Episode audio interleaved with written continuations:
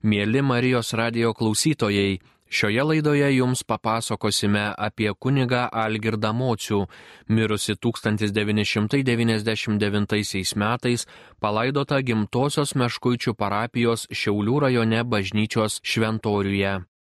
Tai nuolankus Dievą ir tėvynę mylėjęs dvasininkas, partizanų kapelionas, tremtinys, didis asketas ir atgailautojas, malda, uole tarnystė liudijas krikščionišką tikėjimą įvairiausiose aplinkybėse. Tikintieji meldžiasi, kad bažnyčia paskelbtų šį Dievo tarną palaimintuoju. Kunigas Algirdas Mocius gimė 1917 m. gegužės 20 d. Dabkūnų kaime Meškuičių parapijoje Šiaulių rajone. Augo šešių vaikų šeimoje su trim broliais ir dviem seserimis. Visi šeimos nariai uolus laisvės gynėjai, ragavę tremtinio dalies. Mama mirė tremtyje, brolis Tasys Mocius žuvo pokario kovose. Vaikystėje Algirdas mokėsi Meškuičių pradžios mokykloje. 1938 metais baigė Šiaulių berniukų gimnaziją. 1938-1943 metais studijavo Kauno kunigų seminarijoje.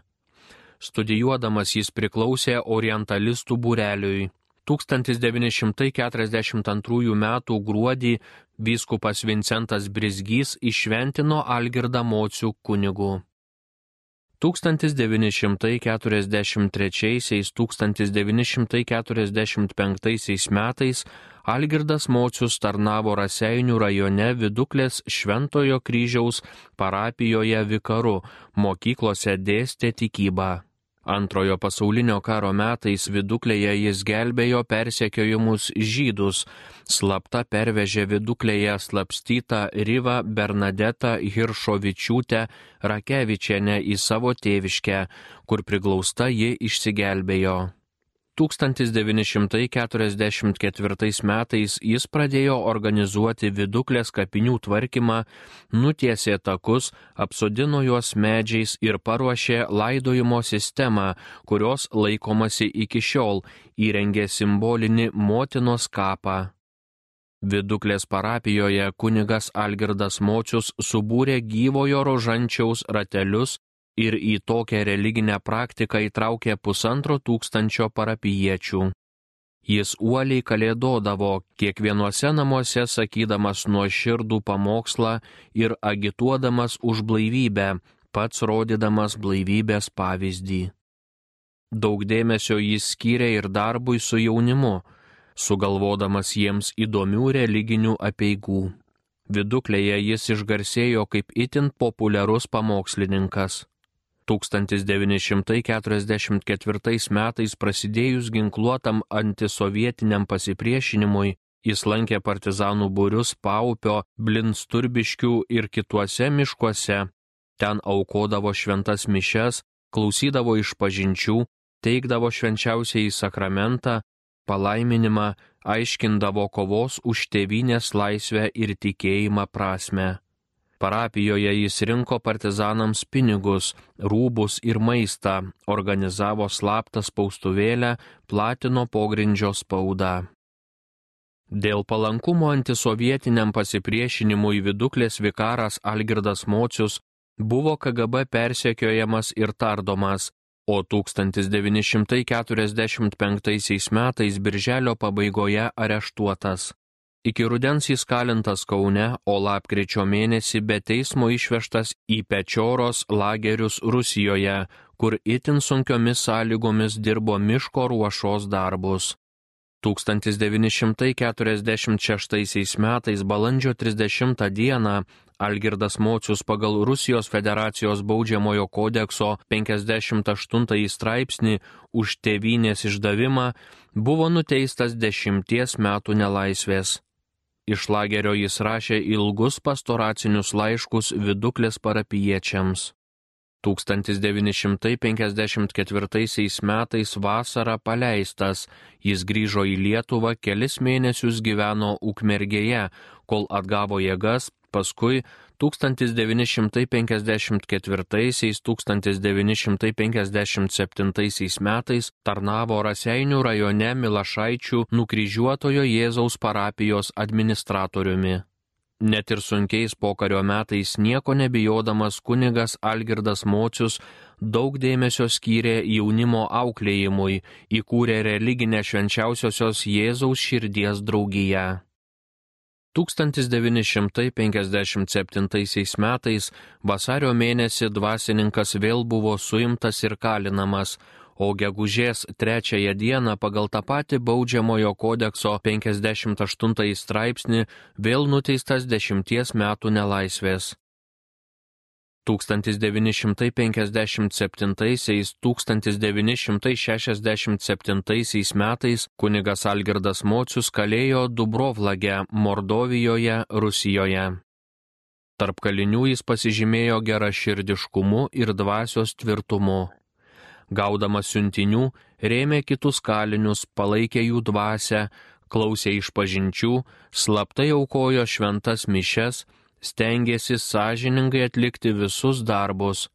Kas bendravo su kunigu Algirdu, tas pastebėjo drąsą jo spindinčiose akise, ypač kai jis kalbėdavo apie ištikimybę Dievui ir sąžiniai, apie nenusilenkimą smurtui. Jo kalba taip pat buvo nedailinta, žemdirbiška, bet kupina įsitikinimo ir pagauli.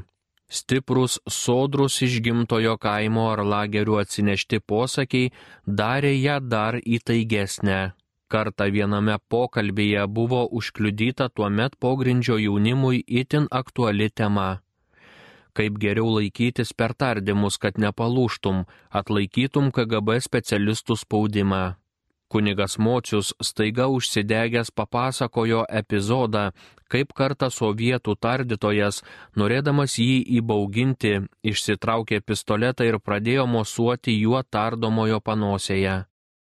Jei tylėsi, girdi, galiu tave čia tuoj pat vietoj nušauti. Kunigas Algirdas šį įvykį taip prisiminė. Pajutau savyje nepaprastą drąsą įrėmiau žvilgsnį čekistui į veidą, sakau, nesmarkauk virutį, tu nežinai, kas aš toks, gal tavo paleista kulka atšoks nuo manęs ir tau į kaktą.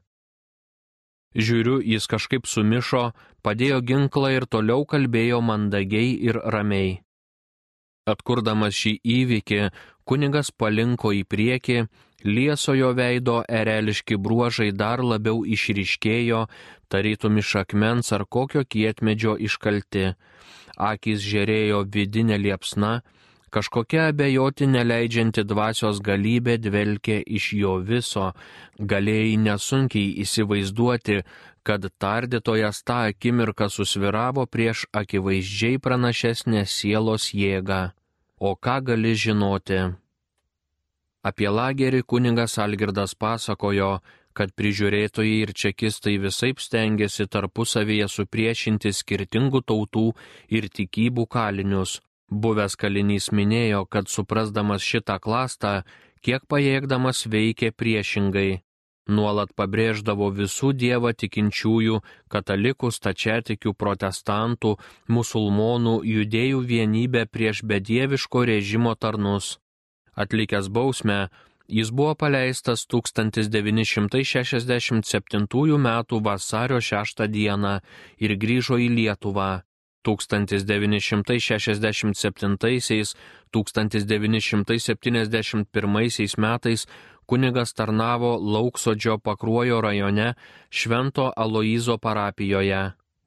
Vėliau iki 1977 metų kunigas Algirdas Mocius buvo užunevežių Anykščių rajone švenčiausiosios mergelės Marijos parapijos klebonas, tęsė karo ir pokario metais nutrauktus bažnyčios statybos darbus. 1977-1982 metais jis tarnavo Jurbarko švenčiausios trejybės parapijoje. Nepaisydamas ir nebijodamas sovietinės valdžios draudimų, jis platino pogrindžio spaudą, atvirai kritikavo pilietinių teisių ir religijos laisvės suvaržymus. Visose parapijose jis nieko nebijodamas katekizavo vaikus, organizavo tikinčiųjų procesijas, nevengė viešai kalbėti apie sovietų valdžios melą.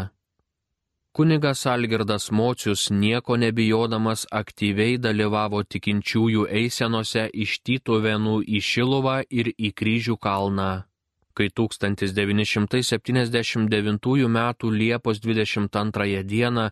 minėdami savo veiklos dešimtmetį, Euharistijos bičiuliai surengė atgailos žygį iš Meškuičių į Kryžių kalną. Jis eisenos priekyje ant savo pečių nešė sunkų kryžių, paskui ant kryžių kalno aukojo šventasias mišes ir pasakė pamokslą. Išlikusi nuotrauka, kurioje matyti, kaip basas kunigas Algirdas Mocius neša kryžių. 1979 metais kunigas Algirdas Mocius pasirašė rūpjūčio 23 dienos kreipimąsi į Helsinkio susitarimų baigiamąjį aktą pasirašiusių šalių vyriausybės ir į Junktinių tautų generalinį sekretorių Kurtą Valdhaimą, protesto pareiškimą prieš Ribbentropo Molotovo paktą. Dokumentas vėliau pavadintas 45-ųjų pabaltijiečių memorandumu atvėrė kelią tarptautiniai diskusijai dėl Lietuvos, Latvijos ir Estijos padėties.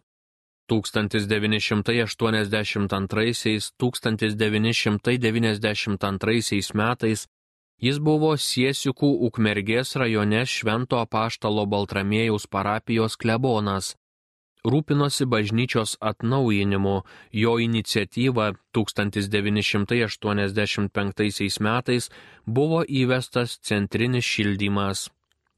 Tarnaudamas Siesikuose, jis džiaugiasi tautiniu atgimimu, dalyvavo sąjūdžio susibūrimuose. 1989 metais jis buvo visiškai reabilituotas kaip neteisėtai kalintas politinis kalinys.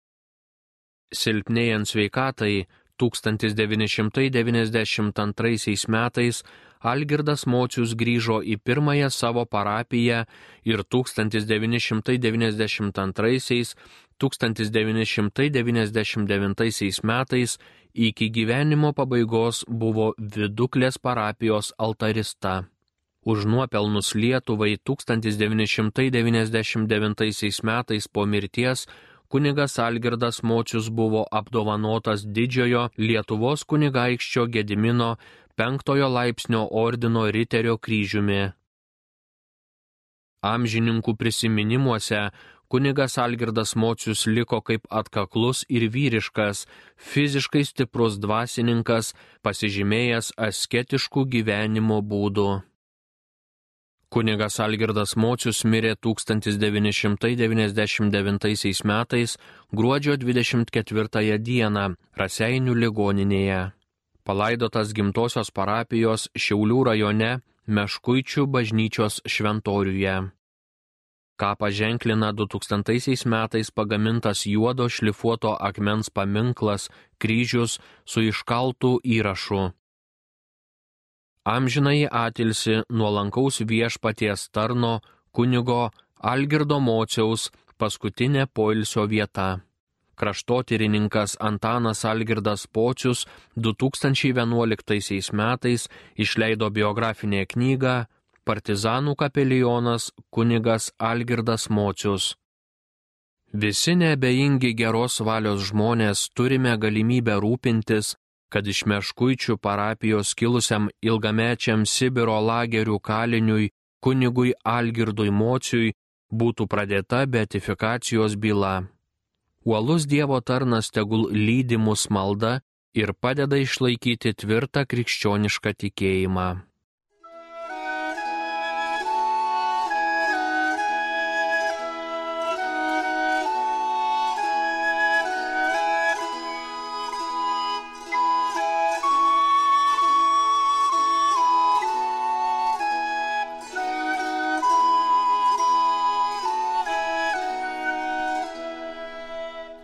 Mėly Marijos radio klausytojai, kalbame su kunigu Robertu Grigu, garbė Jėzui Kristui.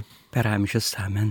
Kunigė Robertai, jūs um, savo kunigiškoje tarnystėje sutikote įvairių Lietuvoje garsių kunigų, kurie buvo autoritetai tarp kitų tikinčių žmonių. Kunigas, kurį taip pat jums teko sutikti ir kuris tikriausiai padarė įtaką jūsų tarnystė, jūsų kunigo tapatybės e, formavimui, tai yra kunigas Algirdas Mocius, miręs 1999 metais. Jis visą gyvenimą dirbo mažose parapijose, garsėjo kaip asketas ir turbūt daugelis apie jį sužinojo, kaip jisai rengė procesijas į kryžių kalną. Būdavo tokios permaldavimo kryžiaus nešimo procesijos, kai nešamas kryžius, maldaujant laisvės Lietuvai ir jis tą darė, pavyzdžiui, 1000 1970 metais į kryžių kalną yra nunešęs bent penkis kryžius, neždavo basas ir tikrai būdavo tokios atgailos eisenos ir kažino, gal viešpats brangino tokią auką, tokį pasiaukojimą, tokią asketinę praktiką, tokią atgailą už netikėjimą, už nutolimą nuo Dievo. Kada sutikote Algirdą Mocių, kokiom aplinkybėm pirmą kartą? Su kunigu Algirdu Mociumi susipažinau jau būdamas studentas. Asmeninės tikėjimo paieškos, gyvenant vis tiek tokioj tikėjimui priešiškoj, to valstybinio ateizmo persunktoje aplinkoje ir įsijungus į lietuviškąją pogrindžio veiklą, krikščioniškas ir tautinio pasipriešinimo grupės, susidūrimai su sovietų saugumo struktūrom visokių iškeldavo klausimų, kur surasti tą tokią vidinę atramą, kaip reikėtų tikinčiam žmogui laikytis tų visų dalykų atžvilgių. Tai per pažįstamų pažįstamus, man atrodo, apie kunigą moterų aš net išgirdau iš to daugiau tautinio laisvės lygos žmonių aplinkos. Kažkaip visiems buvo pažįstamas gal kaip ilgus metus kalintas sovietų lageriuose politinis kalinys, jo brolis buvo partizanas. O būtent už paramą partizanams jis labiausiai pradėtas kalinti, ir, labiausiai skriaustas dėl to, kad... Ir, ir nuteistas dėl paramos, kilęs iš tokių pasiturinčių ūkininkų šeimos, tai aišku visas tas sovietizmas su jo represijomis buvo labai tam sluoksniui lietuvių svetimas, bet e, jisai nukentėjo dėl dvasinės pagalbos partizanų, jo, jo brolis, e, man atrodo, iki paskutinių metų dar dabar atkurtuose įvairiuose laisvės kovotojų struktūrose aktyviai dirbęs. Tai e, jisai buvo žinomas tose lietuvių patriotų sluoksniuose būtent dėl savo tokio katalikiško asketizmo. Kuniga Mocių, man atrodo, net ir nelabai tikintys gerbė būtent dėl to asketizmo. Ir ieškodamas gal ir dvasinės paramos, atidesnio nuodėmklausio ar savo vidinių klausimų sprendimo, aš taip iš pažįstamų sužinojau, kad neleido aukštesnių pareigų eiti turbūt tuo metu jam dėl valdžios spaudimo. Jisai buvo vikaras Jurbarke. Sužinojau, kad yra toksai savas pažiūromis žmogus ir nuvažiavau susipažinti Jurbarką. Taip prisimenu, kažkur jisai gyveno tokiam kaip palėpės kambarėlį, bent reikėdavo siaurais laiptais kažkur tenai į pastogę užlipti. Labai tokiom paprastom sąlygom keliuose kambarėliuose. Ir jis pats darė tokio tarsi ką tik iš kalėjimo išėjusio įsipasninkavusio tokio žmogaus įspūdį. Tokie ryškus liesi bruožai, gana toks aukštas, kaulėtas, liesutis. Ir vakas įsiminė, skirtingai gal negu kuniga Šeškevičius, kuris tokios ramios, geranoriškos gedros buvo pilnas. Čia turbūt vis tiek jau kalėjimą perėjusių žmonių Stalino laikai savybė, toks atrodo veidas buvo tamsokas, tokių ryškių aštrių bruožų. Kartais kalbėdamas, jeigu ten užkabindavo pokalbis kokias valdžios daromas neteisybės ar tos sovietinius absurdus, tai ir tokios aštrokos pašaipos ironijos pasigirzdavo iš jo, tokių juokelių, bet kiekvienas yra savitas ir ko gero įneša tą savo dalį į bendrą bažnyčios gyvenimą. Turėjo Dievo žmonių įvairovėje gražaus savitumo ir to meto ieškančiam, tikinčiam jaunimui, patriotiškam jaunimui darė įspūdį, tai būtent va, tos jo kuklus gyvenimas. Paminėjo tą kryžių kalno eiseną, kas buvo ir kronikoje prašyta, ir nuotraukomis paplito, kai jisai apsirengęs paprastais tokiais darbiniais rūbais, kelniam, kažkokiais dryžuotais marškiniais, basas, didžiulės eisenos priekyje neša tokį didelį, visai jau nesuvenyrinį, bet kaip mes matom pakelėse stovinčius e, didelius medinius kryžius, tokio dydžio kryžių, kaip e, buvo paskelbta, kad tai melžiantis už Lietuvos laisvę, atsiprašant už tautiečių nuodėmės, tokia atgailos mintimi nešamas kryžius į kryžių kalną. Jis tuo metu buvo žvirkelis akmenuotas, basas, surinkęs su tuo kryžiumi didžiuliu ant pečių neša į kryžių kalną. Tai tada kažkaip valdžia vis tiek gal nenorėdama erzinti tų žmonių ar nesitikėdama, kad be skandalo sustabdys, tą eiseną leido jį nunešti, pastatyti, pasimelsti, bet paskui buvo tuo metu oficialioji spaudoje tokio puolimo ir kaip vienas iš tokių nujuokingų argumentų, kur irgi gal iš noro kažkaip įkasti kunigui pažeminti, bet nesusigaudant ką čia blogo pasakyti, buvo sakoma, kad kunigas su kažkokiais džinsais, maždaug, kad čia taip netinka, nepagarbu sovietų spauda rašė, maždaug basas su marškiniais nešė kryžių į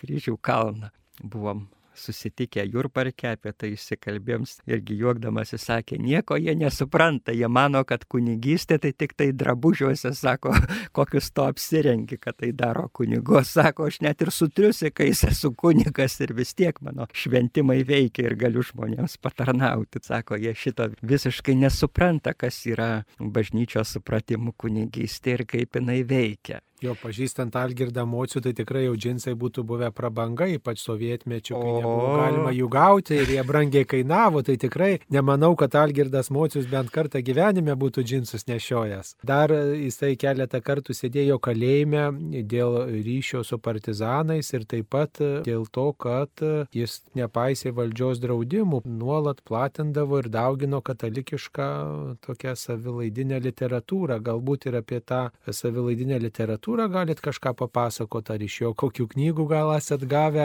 ar, kalbėjo, ar kokios pagalbos prašė, ar panašiai? Galbūt ne taip gausiai. Gal jisai irgi gaudavo iš kitur ir platindavo savo aplinkoj. Daugiau iš kunigo Stepskio, kunigo Tamkevičiaus gaudavau pogrindžio spaudos, bet atrodo, va, kaip aplankydavau, tai ir kunigas Algirdas Mocius pasidalindavo tą pogrindžio spaudą. Dar va viena tokia galbūt, na, ir asmenybės tokį nutikroviškumą ir nuolankumą paryškinančią detalę prisimenu. Greta visų vatų darybių, tokio asketizmo pasakojo, už ką jį mylėjo tokie gal nebūtinai jau griežta prasme bažnyčio žmonės, bet lageriuose visi kaliniai ir gerbė jo autoritetą, tai tokia alkio nelaisvės aplinkybėmis, ko gero, nelengvai įvykdoma dalyjimosi dvasia.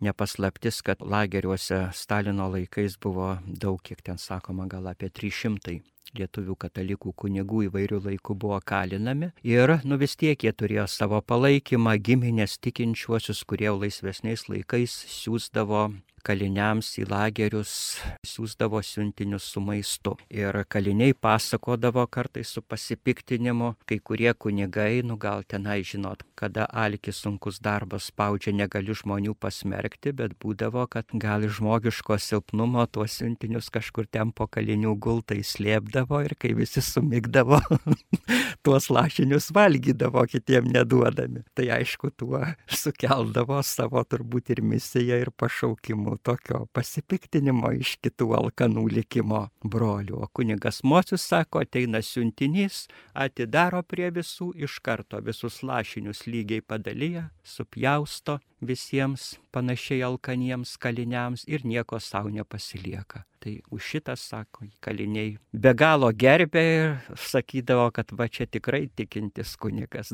daro tai, kas kelbė. Bet va prisiminė vienas toks gal jo asmenybę taip paryškinantis ar tokį, kaip sakiau, nuolankumą, tikrumą išreiškiantis bruožas. Jisai skirtingai negu daugelis tuo laiku mano sutiktų tos senosios iki karinės formacijos kunigų be perstojo rūkė. Ir nu, tas atrodė šiek tiek vis tiek kunigai bažnyčia ragina tų visokių tokių žalingų priklausomybių, svaigalų rūkimo vengti, kad nekenktume savo sveikatai. Ir nežinau, ar aš paklausiau, ar kažkaip išėjo lankantį iš kalbos, kaip tai atsitiko. Jisai taip labai atvirai papasakojo tokią istoriją. Sako, čia Dievas mane nubaudė už puikybę. Sako, lagerį, kai buvo vis tiek šaltis dažnai Sibiras, kaliniai dauguma rūkydavo, nes atrodydavo, kad tas truputį sušildo. O aš sako, jau taip iš tokio kunigiško katalikiško užsidėgymo visiems aiškindavau, kad čia yra save žalojimas ir kad reikia liautis rūkyti. Ir kai kaliniai atsakydavo, kad esam taip įpratę, nu kad niekaip negali, sako, nesąmonė, sako, viską gali žmogaus valia, aš jums įrodysiu, sako, va, pradėsiu rūkyti ir po kiek laiko, kiek ten sutarsi, mesiu ir daugiau neberūkysiu. Sako, pamokymo, pavyzdžio mintimi pradėjau rūkyti, sako, va, kai pradėjau ir iki šiol negaliu. Mes, sako, įsitikinau, kad žmogaus valia, kad, sako, Dievas man parodė, nėra visa galė. Negali būti taip, kad va, aš nusprendžiau ir padarysiu. Yra visokie dalykai, kurie kartais nepavaldus žmogaus valios sprendimams. Tai va, tai kas įdomu, kad jis va taip, kaip sako, tokiam vaikinukui, kiek man tada buvo 20 plus minus metų, taip atvirai, be jokio tokio, kaip sako, pasididžiavimo, pasigėrėjimo savimi pasakodavo. Tas turbūt jaunų žmonės ir sužavi bažnyčia ar tikėjimu, kai matai, kad tas kunigas tikėjimo skelbėjas yra iš tikrųjų toks žmogus su stiprybėm ir silpnybėm, su kuriuo gali apie viską atvirai kalbėti. Turbūt vienas tokių įspūdingiausių dalykų yra tai, kad jisai dirbo mažose parapijose, visada skurdžiai gyveno, bet buvo toksai kuklus žmogus ir neteikė dėmesio materialumui. Tai čia šie, šiems laikams turbūt būtų mums visiems priekaištas, kai mes norim patogumo, norim naujų kambarių, naujų visų drabužių, viską, o jisai įpratęs labai kukliai gyventi, labai vargingai gyventi ir dėl to turbūt nesisėlojo.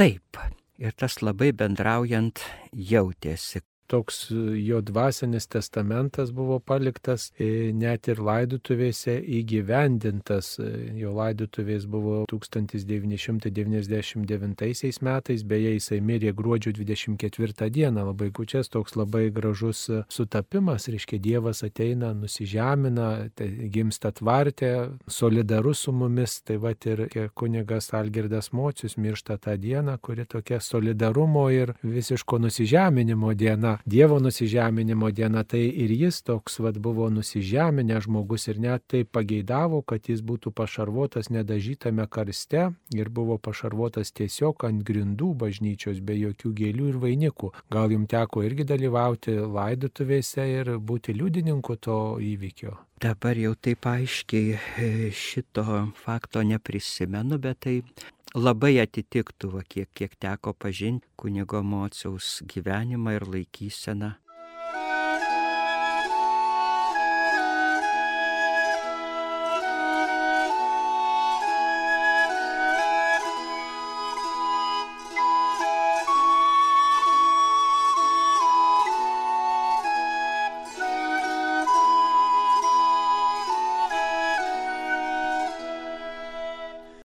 Kunigo Algirdo brolio Juozo Mociaus prisiminimai.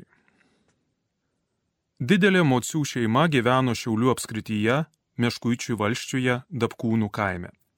Aš, Juozas Mocius, gimiau 1924 metais, devintas vaikas šeimoje. Užaugome šeši - keturi broliai ir dvi seserys - Vytautas, Algirdas, Stasys, Juozas, Ona ir Augutė. Tėvai turėjo 46 hektarų ūkį, bet kol mes vaikai paaugome, vertėsi sunkokai. Vėliau jau buvo lengviau ir mus du, Algirdą ir mane, leido mokytis. Mūsų mama, Jurgelytė Mocienė, buvo labai pamaldi, rūpestinga, darbšti, labai mylėjo vaikus. Tėvas buvo labai darbštus, bet griežtas. Buvo baigęs Mintaujos progymnaziją gerai mokėjo rusų bei vokiečių kalbas. Namuose buvome auklėjami religinė dvasia. Tautiškumas nebuvo pabrėžiamas, nors ir tai nebuvo svetima. 1931 metais pradėjau lankyti Meškuičių pradžios mokyklą. Pirmosios mano mokytojos buvo Švabaitė ir Viliūnienė. Pone Viliūnienė šiemet švenčia savo 95 gimtadienį. Atmintyje išliko vasario 16 šventės iškilmės. Pirmoje klasėje pirmą kartą pajutau pasididžiavimą, kad esu lietuvis - Mindaugo Gedemino palikuonis. Ačiū mokytojai poniai Viliūneniai. 1942 metais per šventasias kalėdas mūsų šeimoje buvo didelė šventė - brolio Algirdo primicija. Ypač didžiavusi mamytė, kad mūsų šeima nuo šiol turėjo kunigą. Pirmoji jo parapija buvo viduklė. Negalėdamas ryšto ir sugebėjimų, brolis pasinėrė į pastoracinį bei visuomeninį darbą. Kiek galėjo, padėjo gelbėti žydus ir rusų belaisvius. Į savo tėviškę Dabkūnus atvežė žydaitę Hiršovičiūtę iš viduklės. Pas mus jį išbuvo iki 44 metų rudens. Vėliau atvežė pabėgusi iš belaisvių stovyklos rusų karininką. Politruką, kuris metus pas mus pabuvęs, vieną sekmadienį visiems išėjus į bažnyčią, pabėgo. Brolis kunigas Algirdas buvo pasinėręs į pastoracinį ir visuomeninį darbą, prie kurio ir aš tuo jau pat prisidėjau. Brolis buvo suorganizavęs amžiną adoravimą, kad dieną ir naktį nebūtų tuščia bažnyčia. Ypač įspūdingai atrodė procesijos, kiekvieną vakarą organizuotai ateinančios iš įvairių parapijos kaimų. Jos ėjo su vėliavomis, kryžiais ir gėdodami. Prieš įeinant į miestelį, kunigas Algirdas su liturginiais rūbais pasitikdavo, pasakydavo pamokslą ir atlydėdavo į bažnyčią. Bažnyčioje per visą naktį žmonės eidavo stacijas, melzdavosi, gėdodavo ir taip iki ryto. O vakare vėl tas pats. Tik parapiečiai būdavo iš kitų kaimų parapija buvo suskirstyta į penkis ar septynis rajonus ir sudarytas grafikas. Ant kelių vedančių į miestelį buvo pastatyti papuošti bromai, vartai procesijų sutikimui. Be pastoracinio brolis aktyviai dirbo ir visuomeninį darbą. Mokyklose mokyti tikybos dalykų neleido, todėl iš viduklės ir kitų kaimų jis pasikviesdavo vaikus į kleboniją ir čia jiems aiškino bažnyčios mokslo tiesas. Pamokslai buvo atviri ir ugningi. Dažni susitikinėjimai su ryšininkais ir net saugumo agentais. Jie patys ateidavo ir daug ką papasakodavo apie savo užduotis. Ypač įspūdinga buvo Liepos 19 ar 20 val. vakare atėjusi procesija ir didžiulė minė maldininkų, jei neklystų, nuo valaibų pusės. Tai buvo neišdildomas įspūdis. Šeši ar aštuoni vyrai nešė didžiulį kryžių, ant kurio buvo pavaizduota sužeista širdis, o žemiau Lietuvos trispalvė. Ir ant jos iš sužeisto širdies laša kraujas, apačioje buvo žodžiai. Pasilik viešpatie su mumis, nes jau artinasi vakaras. Turint omeny tuo metinę padėtį, tai buvo sukrečiantis vaizdas.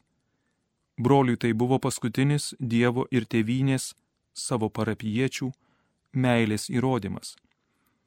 Kita diena jį suėmė. Baisus skausmas ir netekimas man ir visiems parapiečiams. Aš iš karto nuėjau į bažnyčią pasimelsti. Staiga susirinko nemažas būrys jaunimo ir su ašaromis meldėsi. Vakare aš jau bijojau eiti į kleboniją o užlipau ant bažnyčios lubų ir išbuvau dvi paras. Vakare vėl atėjo nauja iškilminga maldininkų procesija, o prie jų prisidėjo daug žmonių iš pačios viduklės. Algirda pašaukus į saugumo būstinę, visas miestelis buvo apstatytas sargyba, bet mūsų ryšininkai davė žinę būriui, kuris laikėsi Blinstrubiškių miške. Tikslas buvo neleisti išvežti kuniga Algirdą, vežant raseinių kryptimi, išvaduoti. Bet dėja ši akcija nepavyko. Pritrūko laiko. Būrys nespėjo atžygiuoti iki plento. Dievas žino, kuo tai būtų pasibaigę. Greičiausiai šiandien kunigo gyvųjų tarpe nebebūtų. Jį mašinoje saugojo trys sargybiniai su automatais ir mašinos viena priekyje, kita gale. Tikriausiai aukų būtų buvę ir daugiau. Tardomas kunigas Algirdas buvo labai tvirtas ir atkaklus. Tardytojų jis pareiškė ultimatumą - nedaudoti prievartos, kitaip visai nekalbėsės. Prabuvęs dvi paras ant bažnyčios lubų, perėjau pas pukinus. Ten, kiek pabuvęs, prasidėjus vežimams, nakčia nuėjau pas Jurkus prie viduklės. Jie gyveno gan neturtingai, šeima buvo gausi. Du tėvai ir trys sūnus - Antanas, Juozas ir Bronius. Labai puikūs žmonės, mane laikė savo šeimos nariu. Vėliau persikėliau arčiau partizanų lydžio rinktinės centro į Eržvilką. Gyvendamas viduklėje mokytojavau viduklės pradžios mokykloje ir suaugusiųjų progimnazijoje. Pirmą kartą brolio Algirdo teismas buvo Abezija, Komijos Respublikoje, nes nesugebėję sudaryti bylos, į Abezės lagerį jį išvežė be teismo, o ten surengė teismo komediją. Kai buvo paskelbtas nuosprendis - dešimt metų, jis pareiškė, jog esas nusivylęs būčiau buvęs daug laimingesnis gavęs mirties bausmę. 1954 m. pabaigoje, atbuvęs 19,5 metų, šešis mėnesius turėjo užsidirbęs užskaitų, grįžo į Lietuvą. Bet po poros metų iš Raseinių rajonų Milašaičių parapijos vėl buvo suimtas. Tardymas vyko Kaune tardytojui pakartojo savo ultimatumą - nesikeikti, nenaudoti prievartos ir nieko neklausinėti apie trečią asmenį, kitaip nekalbėsės. Tardytojas iškvietė prokurorą. Iš pradžių bandė palaužti brutalią jėgą, pistoletu daužė veidą, bet įsitikinę, kad nieko neišpeš, nusileido. Vienas iš tardytojų buvo pulkininkas Galicinas – bet jis fizinės jėgos nenaudojo.